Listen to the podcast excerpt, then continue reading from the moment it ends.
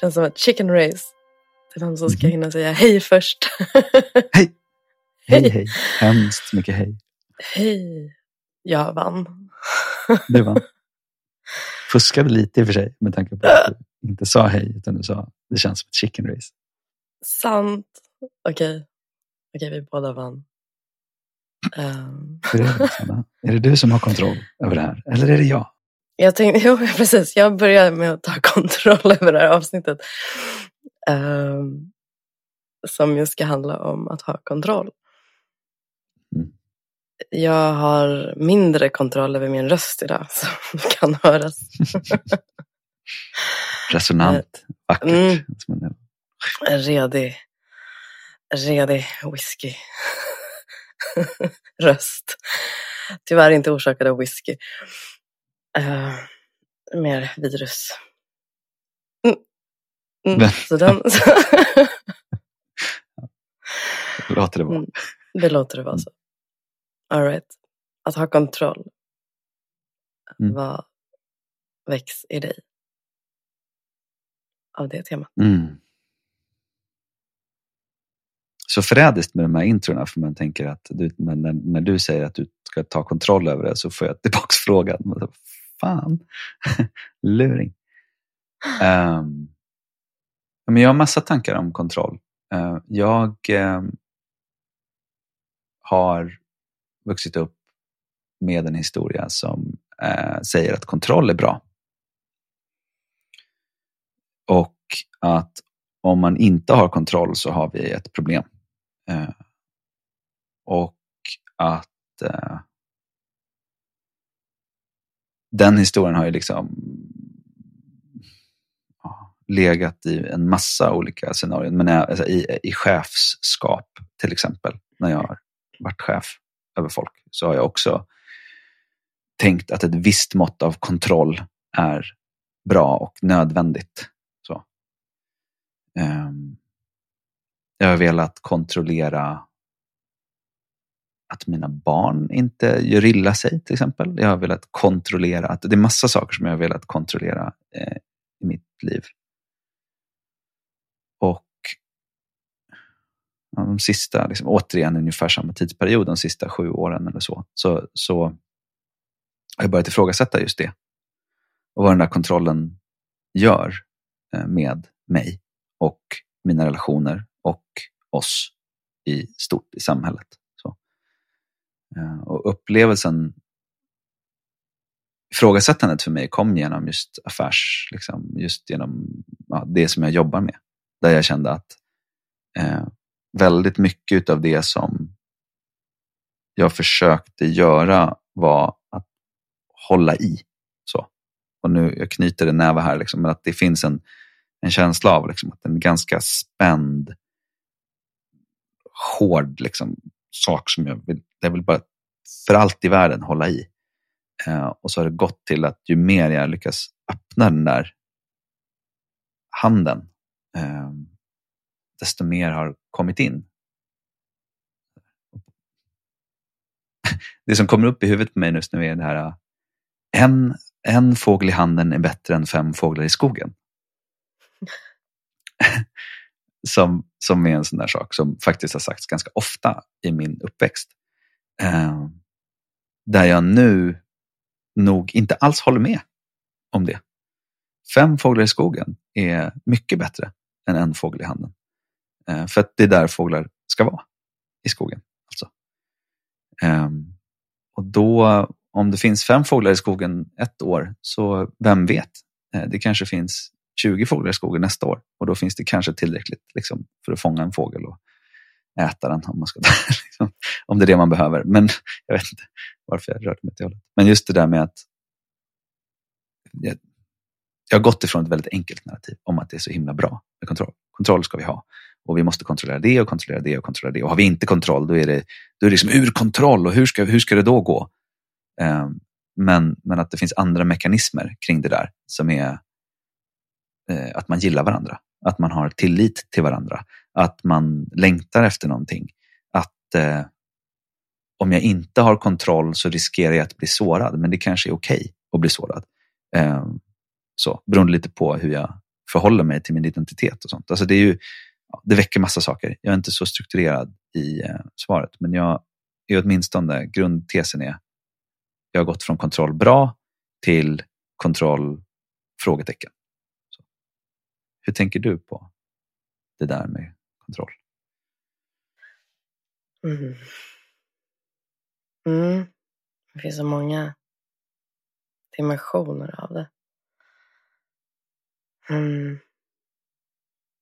Jag, Det första som kommer är att jag gick in i det här avsnittet utan kontroll över vad jag ville uh, säga.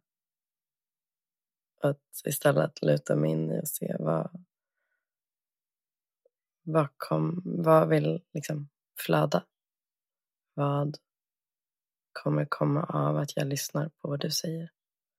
Istället för att jag försöker kontrollera samtalet genom att tänka på vad jag vill säga. Um, mm. Och det var därför jag tog kontrollen i början. och lät dig börja. För jag visste inte vart jag själv skulle börja. um, mm. Så man kan ju prata om kontrollen. Jag tror jag sagt i något annat avsnitt att också har levt ganska, men liksom försökt kontrollera livet för att jag tyckte att det varit jobbigt med förändring. Um, och efter några år i ja, av att vara i väldigt lite kontroll och låta det som vill ske, ske. Ja, det har varit ett träningsläger. För jag menar, kontroll är ju ofta en illusion. Det är liksom, ta bara det här som äktenskap till exempel. Många gifter sig för att man vill oh, jag vill ha kvar den här relationen för evigt. Och så går man in i ett äktenskap. Ehm, jag tror inte de, det är nog inte så många som säger att det är för att jag vill ha kontroll. Men jag tror att det är en underliggande drivkraft i väldigt många. Um, men hela äktenskapsidén instiftades ju för att kontrollera arvs eh, ja, arv och mm, ja, vi kan dra det långt, men det är en annan story. Men så det är en aspekt. Sen tänker jag på liksom, tiden vi lever i och samhället och jag ser ganska mycket smärta i samhället. För att vi, mm. Vi försöker kontrollera saker som vi inte kan kontrollera. Och det är så vi har, jag menar, vi kommer från en väldigt industrialiserad tid. Där vi, jag menar, eh, maskin kan man kontrollera. Man vet vilka delar. Det är liksom en komplicerad manik, men vi vet åtminstone den där delen gör det där och den där gör det där. Om vi sätter ihop dem tillsammans, då kommer det här ut i slutändan. Men ju mer globaliserad världen blir, ju mer ju, alltså, teknol, liksom, eh, den teknologiska utvecklingen bidrar till mer sammankoppling, desto mer komplex blir ju världen. Mm. Och jag tänker till exempel uh, men som valet, där jag också uh, kanske bidrar tidigare. Men eh, hur vi röstar, hur vi... Det känns som att det är en... Min känsla är att mycket handlar om en strävan efter att kontrollera. Mm. Um, men... Och man försöker kontrollera på sådana sätt som vi har gjort förr. Och så bara, nej, det funkar ju inte. Så hur gör vi då? Vad gör vi då?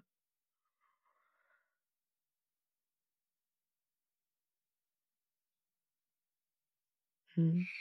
Du sa något som är lätt, tänker jag, bara så glida över. Men, men du sa kontroll är en illusion. Eller delvis åtminstone. Men, men um, det satte igång en tanke i mig, för det finns ju ett, ett i, i hinduismen så tänker man på illusion. Eh, bety en betydelse utav det i hinduismen är det som inte är. Alltså att det är verkligen eh, när du känner att du har kontroll över någonting så eh, är det det som inte, om det är en illusion på riktigt så är det det som inte är. Eh, och att man pratar om kontroll eller, eller liksom, ja, som i svensk politik nu då, där man har, man ska ta i med hårdhandskarna på väldigt många olika saker. Och bara vi, vi i, i liksom regeringen, det är vi som ska styra. Liksom. Vi, som ska, vi ska minsann visa vägen här och, och så, här, och så detaljstyr man en massa saker. Liksom. Eh, och ju mer man detaljstyr, desto mer blir responsen något annat från, från industrin eller från de som vet någonting. Om man tittar på ett superkonkret exempel som i och för sig är high flying och systemberoende, men jag har ju varit i kemikaliebranschen i 12 år. Eh, och då har man haft två approacher, en i USA där man i princip har varit helt tandlös och nästan inte lyckats med någonting vad gäller kemikalielagstiftning. Alltså det, det är helt galet när man tittar på vad som fortfarande är tillåtet.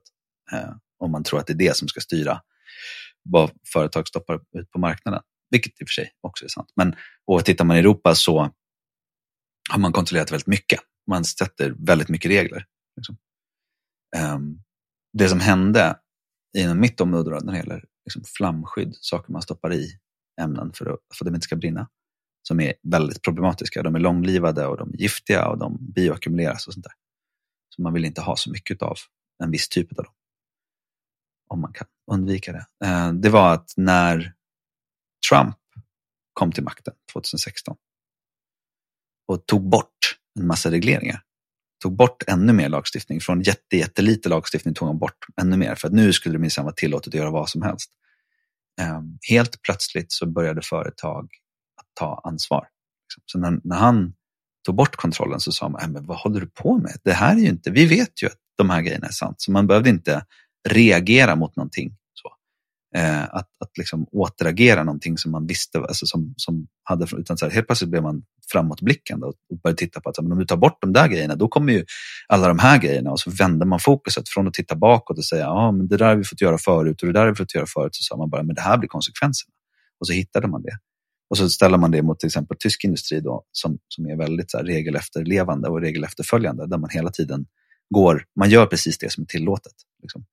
Ehm, och tar inget ansvar eller går inte före utan säger nej men vi följer reglerna och därför så. Ja men nej, det, den här molekylen är inte förbjuden. Liksom. Nej okej, okay, men den har ju alla de här, ja men det spelar ingen roll. Liksom. Så det, det är ju ett väldigt bara konkret exempel på när kontrollen skadar för att den slutar, den gör inte att jag tar ansvar själv. Så att illusionen av att den här kontrollen och regelverket, att det är det som gör att vi får en hållbar liksom, utveckling, eh, färre giftiga kemikalier eller vad det nu är för någonting man vill uppnå. Det var en direkt, en, ett direkt, en direkt konsekvens av det är att folk håller fast hårdare, företag håller fast hårdare vid de farliga grejer som man jobbar med. Så. Det är bara ett exempel, för det finns, tänker jag, kommer tillbaka på många ställen. Men just det där med illusionen och det som inte är kändes väldigt ja, det är väldigt precis formulerat Det är min upplevelse också. Mm. Mm. Det som väcktes för mig nu var just kopplingen till rädsla. När vi blir rädda tenderar vi att vilja kontrollera mera. Vilket ju är djupt förståeligt och mänskligt. Um, jag tänker att det är många, apropå hållbarhet och vi vill kontrollera framtiden. Vi vill kontrollera att vi får en, vi har en planet att bo på. Men utifrån din story, och, eller det du berättade, och, ja, gör vi det på rätt sätt? Kan vi uttala oss om vad rätt sätt är? Men kan vi utforska? Uh, ja. Finns det... Ja, vad, vad, på vilka sätt kan vi göra det? Vad säger man på svenska för empowerment? Eh, det finns inte så bra ord. Jag har försökt med det många gånger. Egenmakt är det som brukar komma upp. Men det är ju ingen... Nej. För empowerment känns ju som en process, alltså någonting som pågår. Att man kontinuerligt... Eh, det blir en positiv spiral helt enkelt. Alltså det är en, en uppåtgående spiral på något sätt som gör att jag successivt får mer och mer makt och mer och mer, allt eftersom jag får mer kunskap eller mer visdom eller mer liksom förståelse för ett problem så får jag möjlighet att ta större kliv. Men jag tänker att det är ju en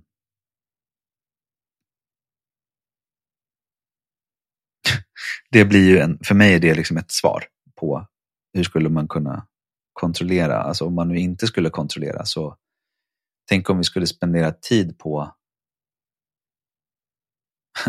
jag pratade med en, en eh, forskare, tror jag att han är, och en praktiker. Han, kör, han heter Leif Edvinsson, väldigt eh, spännande person. Han Eh, har drivit en massa prognostisering. Han har jobbat jättemycket för att liksom, lyfta värdet av det som inte är pengar, det som inte går att eh, beräkna.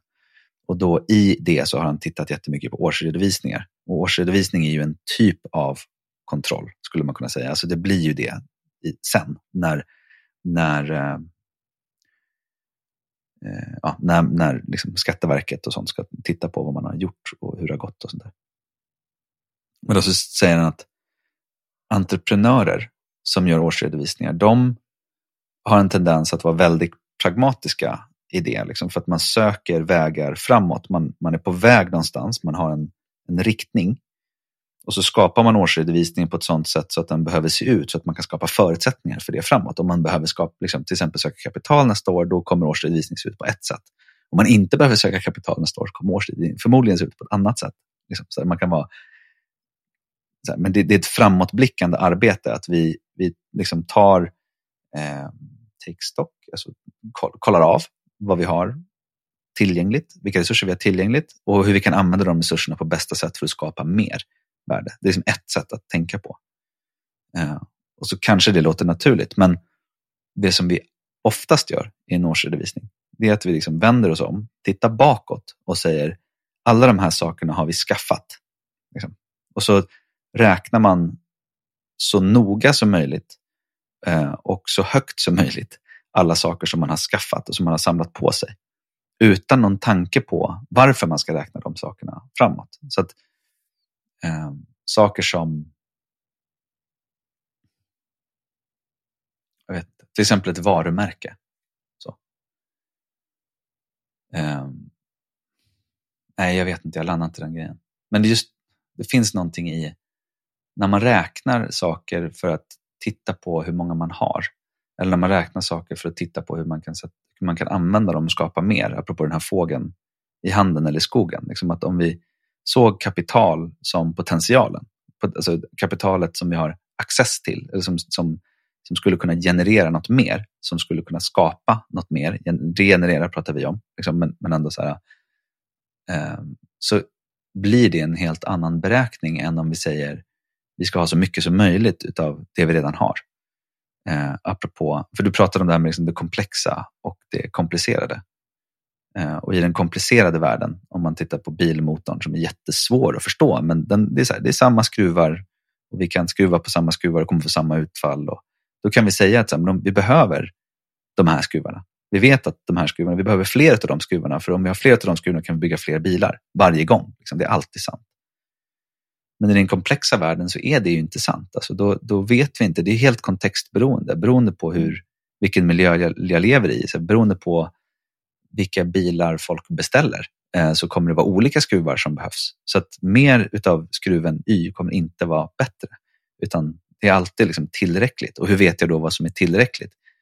Jo, men inte kanske genom att kolla på förra årets beställningar av bilar. Utan då måste jag veta kanske vad, vad som händer just nu i världen, vad som, hur, hur ekonomin går, om eh, någon kille som äger Twitter till exempel säger olika saker om bilmarknaden, om, om, eh, ja, om det finns tillräckligt med el i systemen för att vi ska kunna liksom, köra vissa typer av bilar och inte andra typer av bilar. Och sånt där. Alltså det, det blir en massa andra saker eh, som kommer in eh, som jag måste ta hänsyn till när jag värderar det som jag har. Um, lång harang som jag inte får ihop. Kan du hjälpa mig att komma ut? Mm. Snårskogen. jag kommer att tänka på covid, eller pandemin och eh, matförrådet som jag och mitt ex skapade på varsitt håll. Vi samägde ett torp då. Och, ja, precis som säkert många andra så även om det var motsträvigt för mig så bunkrade vi upp med en del pasta och jag vet inte, basvaror. Mm. Och sen behövdes ju inte det. så jag, och, och jag äter ju inte så mycket pasta och sådana saker. Visst, om det blev krig eller om det blev, om jag verkligen behövde mat så skulle jag äta ju vad som helst. Men den där maten som bunkrade upp är ingenting som går åt i mitt hushåll. Så nu, två år senare, i som, somras när jag rensade ur så var det massa mat som har blivit dålig. Så här. Den bilden dök upp. Uh, det var lättare att säga, okej, okay, nu har vi ett förråd. Uh, uh, än att liksom, ta in alla faktorer. Kanske inte riktigt vad du menar. Men den bilden dök upp i alla fall. Ja, men jag tycker det var fint. För det, det, alltså om man tittar på pengar till exempel också. Så säger vi så här, men pengar, jag vill ha pengar så att blir, jag blir trygg. Eller jag vill ja. ha pengar för att så. Jag måste ha så här mycket på kontot. Eller, och det blir också en fråga om så här, varför då? Mm. På vilket sätt? Och, och sen så om man tittar då på de här muntergökarna som håller på och prognostiserar och saker. Så säger han så här, ja, men du vet, en gång vart 120 år så blir det inflation, hyperinflation. Och så förlorar alla pengar allt sitt värde. Mm. Alltså allt sitt värde. Så att allting som du har på bankkontot, det är värt noll.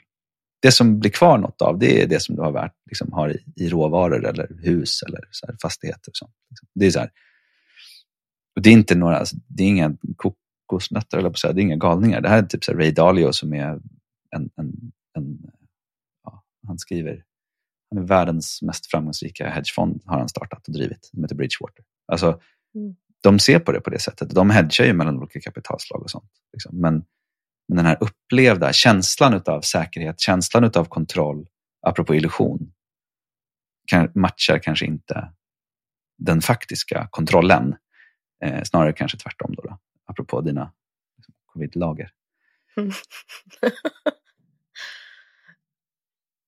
ja, jag har gått en ganska djuplodande terapi i år och eh, hon jag gått hos, eh, Elin, hon apropå att jag har haft ganska sträng, liksom, eh, sträng ekonomi också eller vad säger man, sträng ekonomi. Jag har haft lite pengar. Mm. och hon sa det några gånger när det stressade mig. Uh, ja, men har du pengar nu, sa mm. Jaha. Mm. Ja, men då så. Varför oroar du dig för nästa månad? Och det där är mig, för jag har alltid varit så här, ja, men jag behöver ha typ så här, jag hade ett sparkonto från när jag var liten. Liksom ja, men det finns alltid några tusenlappar där i alla fall. Det var liksom viktigt. Då kände jag mig trygg, även om det bara handlade om 3000 kronor. Men det var ändå liksom ett litet, litet lager att kunna för oförutsedda utgifter. Och sen så och det är jämfört med vad man får lära sig att nej, men du ska ha minst en årslön på sparkontot. Man bara, uh, okej, okay, där har jag aldrig varit. Jag har, jag har uh, lagt fokus på annat. Rest och sånt. Men alltså, så det har verkligen varit en övning i år. Men, klarar du dig nu? Ja, då så. Uh, väldigt, väldigt nyttig. Mm. Jag såg att du drog ett djupt andetag när jag pratade om det här. Vad hände i dig? Jag fick en kort spik av panik i, eh, i uh, inga reserver och sen så hittade jag andetaget igen. mm. Andetaget. Men jag tänkte på två termer. Det ena är liksom tillit och det andra är sårbarhet i relation till kontroll. Om, om du skulle väva in dem i det här samtalet, om det känns levande för dig, eh, vad, vad har de med det här att göra? Tillit och sårbarhet. Mm. Mm. Ja, men om vi tar covid eller pandemin, alltså det som man ser, det som mycket forskning pekar på är att okay, de, de som överlever bäst i kriser, det är de som har bra, goda relationer. Eh, grannar som hjälper varandra. Eh, det är inte att bunkra upp ett lager och ladda bössan och sätta sig i sitt lilla torp. Utan tvärtom. Och, och det alltså vad som dök upp med när du sa tillit och sårbarhet. Um, mm. Att ha också vad jag får träna på i år är just att ha ja, men visa mig sårbar för mina närmsta. Att be om hjälp. Vilket har varit utmanande både för relationer men också läkande i andra relationer. Och i det liksom se att eh, det växer tilliten. Och nu Ja, för vad är det jag behöver om jag hamnar i ekonomisk krisläge som jag har varit? Får jag väl ändå säga. Mm. Oh, samtidigt, ja, det där är en relativ fråga. Jag menar, jag har... ja. ja. Det är verkligen en relativ fråga. Uh, Eh, men det jag behöver är ju egentligen Alltså om jag verkligen, verkligen, verkligen skulle hamna i ekonomiskt krisläge så är det inte pengar jag behöver från folk. Utan det jag mest behöver är ju att veta att jag har folk att luta mig mot, folk som vill hjälpa mig. Eh, eh, någon jag kan sova hos och så vidare.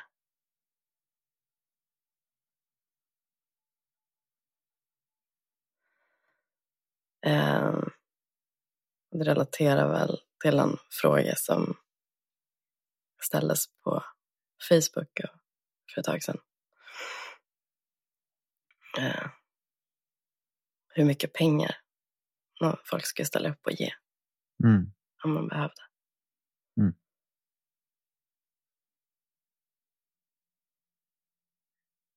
Jag kunde inte svara på den nej, jag kan kanske inte bidra med pengar till en person som behöver hjälp. Men jag kan bidra med så mycket annat. Och det gör jag med glädje. Det kanske blev en utsvävning, jag vet inte. Det får du avgöra. Ja. Jag kan bygga på den för jag tyckte det var en fin utsvävning. Om det nu var det det var. Um, men två, två saker. En, en sak är ju den här tilliten som kommer tillbaka och det som du det som du säger, det som jag hör dig säga, om jag tolkar det, om jag liksom drar det ett varv till, så är det ju så här, det handlar ju väldigt lite av oss handlar ju om att vi, jag, ska vara okej okay, och det handlar väldigt mycket om att vi ska vara okej. Okay. Um, ehm, och att om man skiftar perspektivet till att vi ska vara okej, okay, då finns det ju massa resurser distribuerat. Liksom. Uh, om det handlar om så här, jag behöver sätta upp en hylla och behöver jag köpa en borrmaskin. Alltså så här, den typen av så här sharing economy. Eller om det handlar om kriget kommer och eh, vi behöver dela, dela våra konserver. Liksom. Eh, så man, man, vi hittar ju väg. Jag pratade med en kvinna från, från Ukraina som, var, som bor i Kiev och har bott i Kiev under hela eh, kriget. Med sina två barn och sin man. Och hon, hon sa väldigt tydligt, hon sa massa saker som jag blev förvånad över som jag fortfarande går att fundera på. Liksom. Men, men en sak som hon sa, hon sa så här, du har ingen aning om vad som händer i dig när det händer. Alltså det, hon pratade om en solidaritet och en, en, liksom en vilja att bidra till samhället och sina och väldigt så här, leva precis för tillfället. Precis det som du pekade på som var det här med, men har du pengar nu? Att, att, det blev, man blev väldigt så här, centrerad i nuet.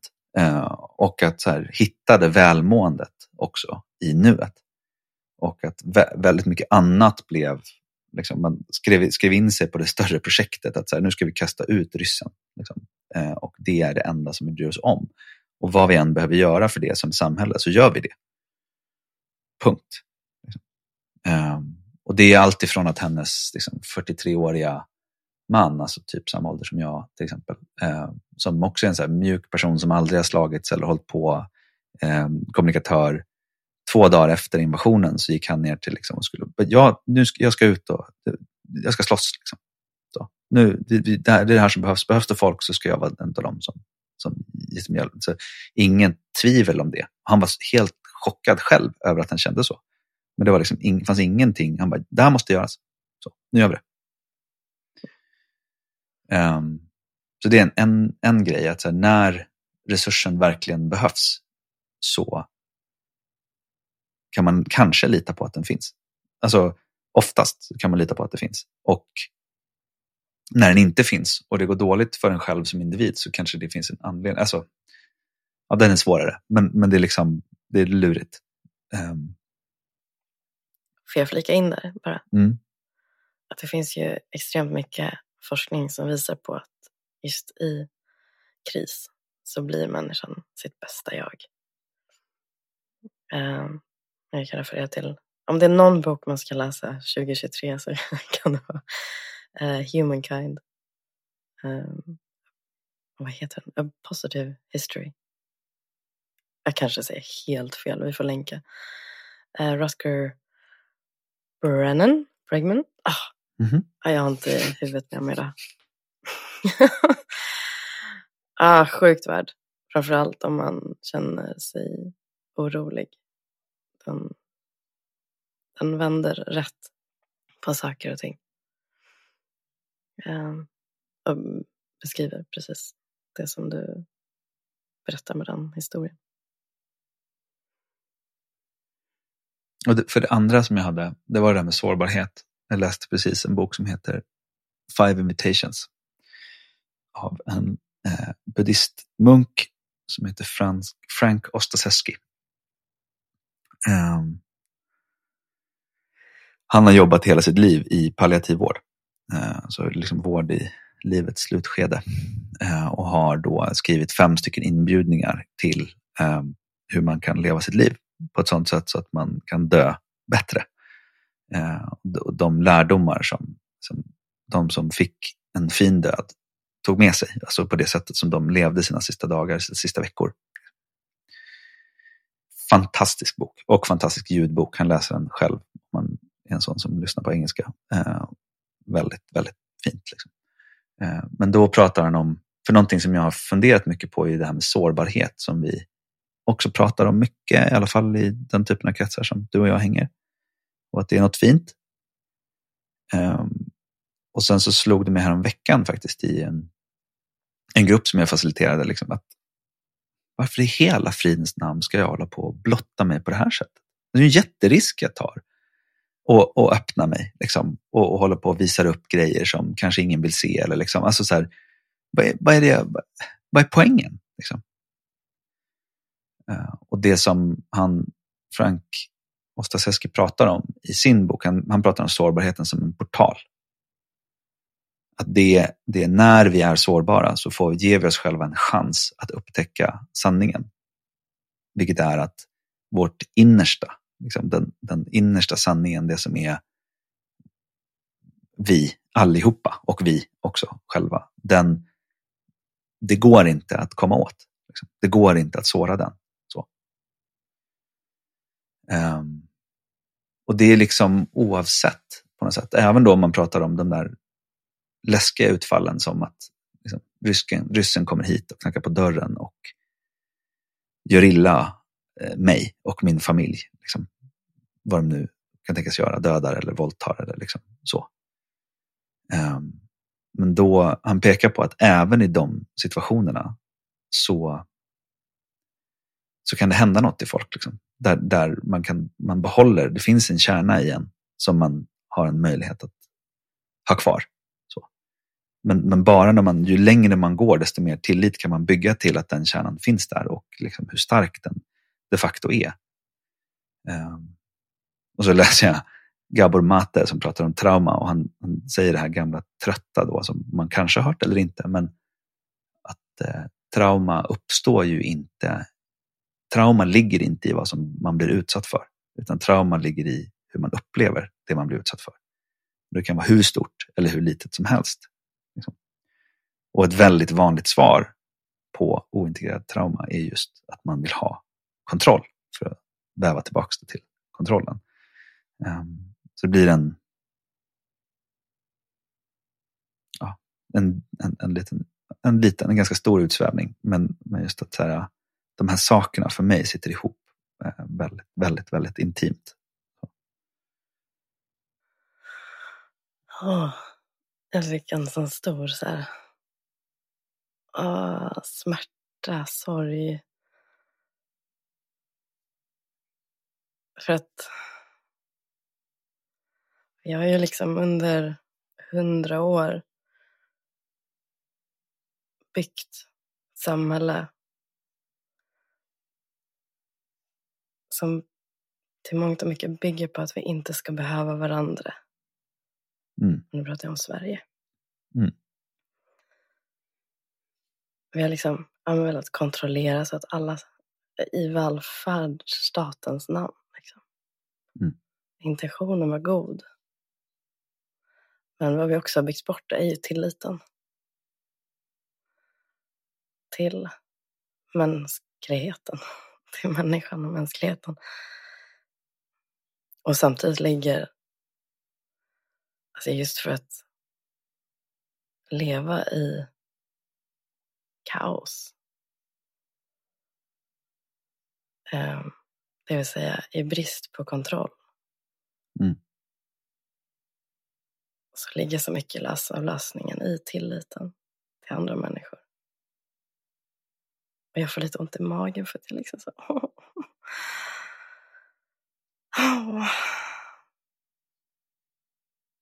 Ja. Ja. Det är som en så här bara stor ömhet. Ödmjukhet och eh, men en sorg i att det är så svårt. Att det är så svårt för oss människor. Och kanske för att vi, vi i Sverige vi har inte haft sådana kriser förrän nu. Pandemin. Men det var ju inte alls jämförbart med Ukraina. Liksom. Um, och det folket upplever där. Men vi fick en liten smak av det. Jag tror ändå det kanske gav många lite hopp. För det vi kunde se där i början av pandemin var ju ändå att folk ställde upp för varandra. Grannar gick och handlade åt varandra. Och det är väl det positiva med de Liksom, kris, sådana kriser, sådana samhällskriser.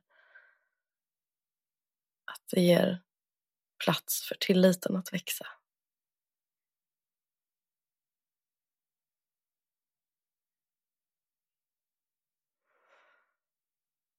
Mm. Två saker som bubblar i mig när du säger det. Liksom en sak som är det här med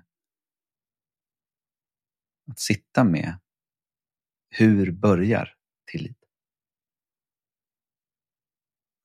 Någonstans måste någon ta första steget och börja lita på. Tror jag.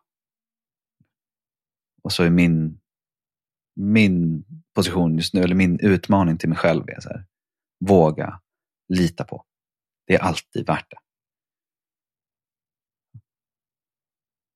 Alltid är mitt mantra. Sen har jag svårt att känna det ibland. Men det är en annan sak. Mm. Det andra som bubblade i mig är det här med ett annat som den här kvinnan Ludmilla från Ukraina pratade om och det var Hon sa, vi mår bra nu, det är enkelt för oss därför att vi har en historia som alla vi som identifierar oss som ukrainare eh, håller med om. Vi blev anfallna, ryssen ska ut. Punkt. Det är historien som man är. Och om man jämför det då med den verklighet som vi lever i med ja, klimatkris eller inte. Är det koldioxid som vi behöver fokusera på eller inte? Eh, covid, var det ett virus? Var det en, vad är det de säger, plandemi?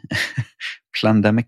Eh, var det en olycka? Är det farligt? Finns det överhuvudtaget ett virus? Det, när vi har de här historierna, när de drar isär och, och verklighetsbilderna drar isär så blir det ju stökigt. Och det, det är ju en, det finns jättefint arbete kring just sociala medier, den här The Social Dilemma eh, och Center for Humane Technology där en person som heter Tristan Harris är en, en av förgrundsfigurerna. Det finns andra där också. Men som pratar just om att den här eh, det faktum att vi sitter med vår egen informationsinhämtning och egen informationskälla. Och när jag tittar på mobilen så är det inte det samma sak som du ser på mobilen. Så att de historier som jag tror är viktigast och störst och de sanningar och fakta och forskningsartiklar som jag får presenterat för mig inte samma som du ser.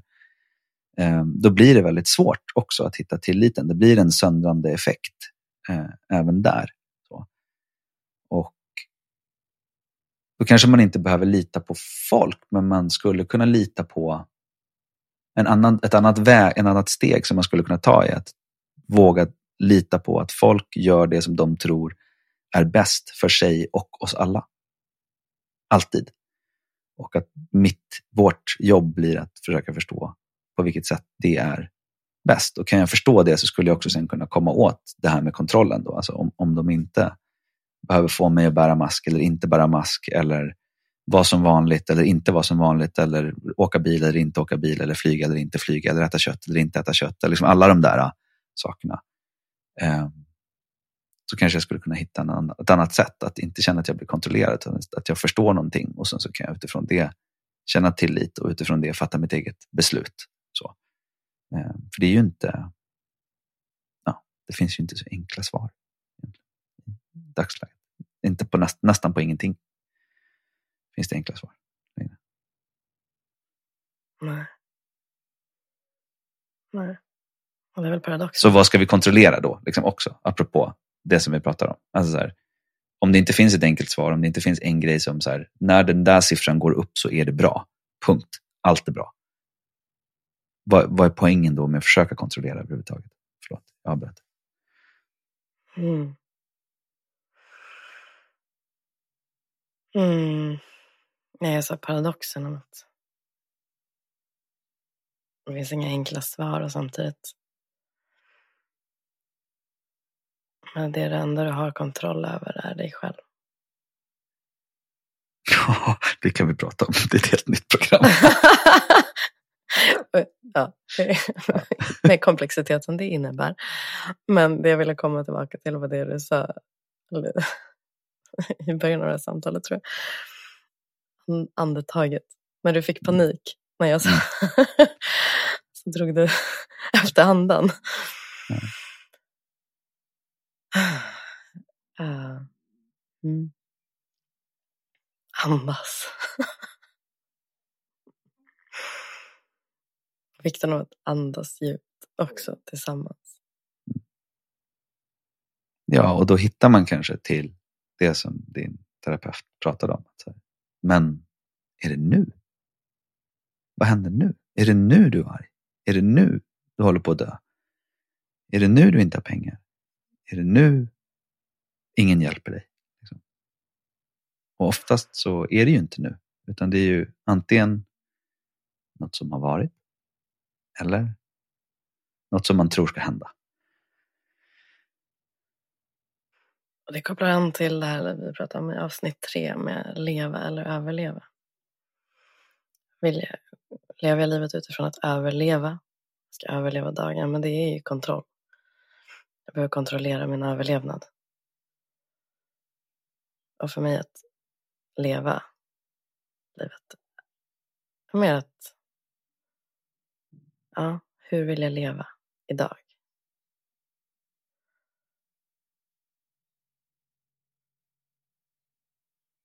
Mm. Släpper lite kontrollen. Tar ett djupt andetag.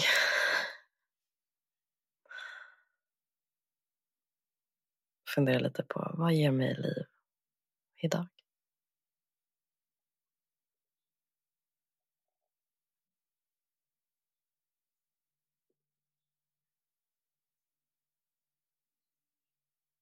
Mm.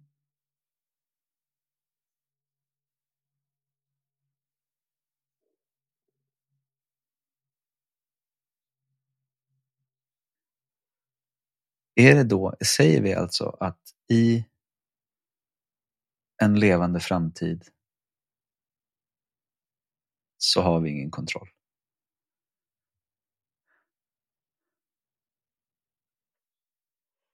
Nej, det där är paradoxen tror jag. Men kanske är det så att vi kan hålla den där bristen på kontroll i handen. Och mm, och möta livet. Det låter som den där Nora Bateson-paradoxen. Fast jag byter ut agency mot kontroll. Eh, du har ingen kontroll. Förutom om du förutom när du accepterar att du inte har någon kontroll. Då har du lite kontroll. Yes. Tänk på den du! Tänk på den du. Jag tror vi slutar där. Hör du? Nu kom in lite norrbottniska in. Jag tror vi, slu- Nej, det tror var vi slutar där. Sluta där. Jajamän.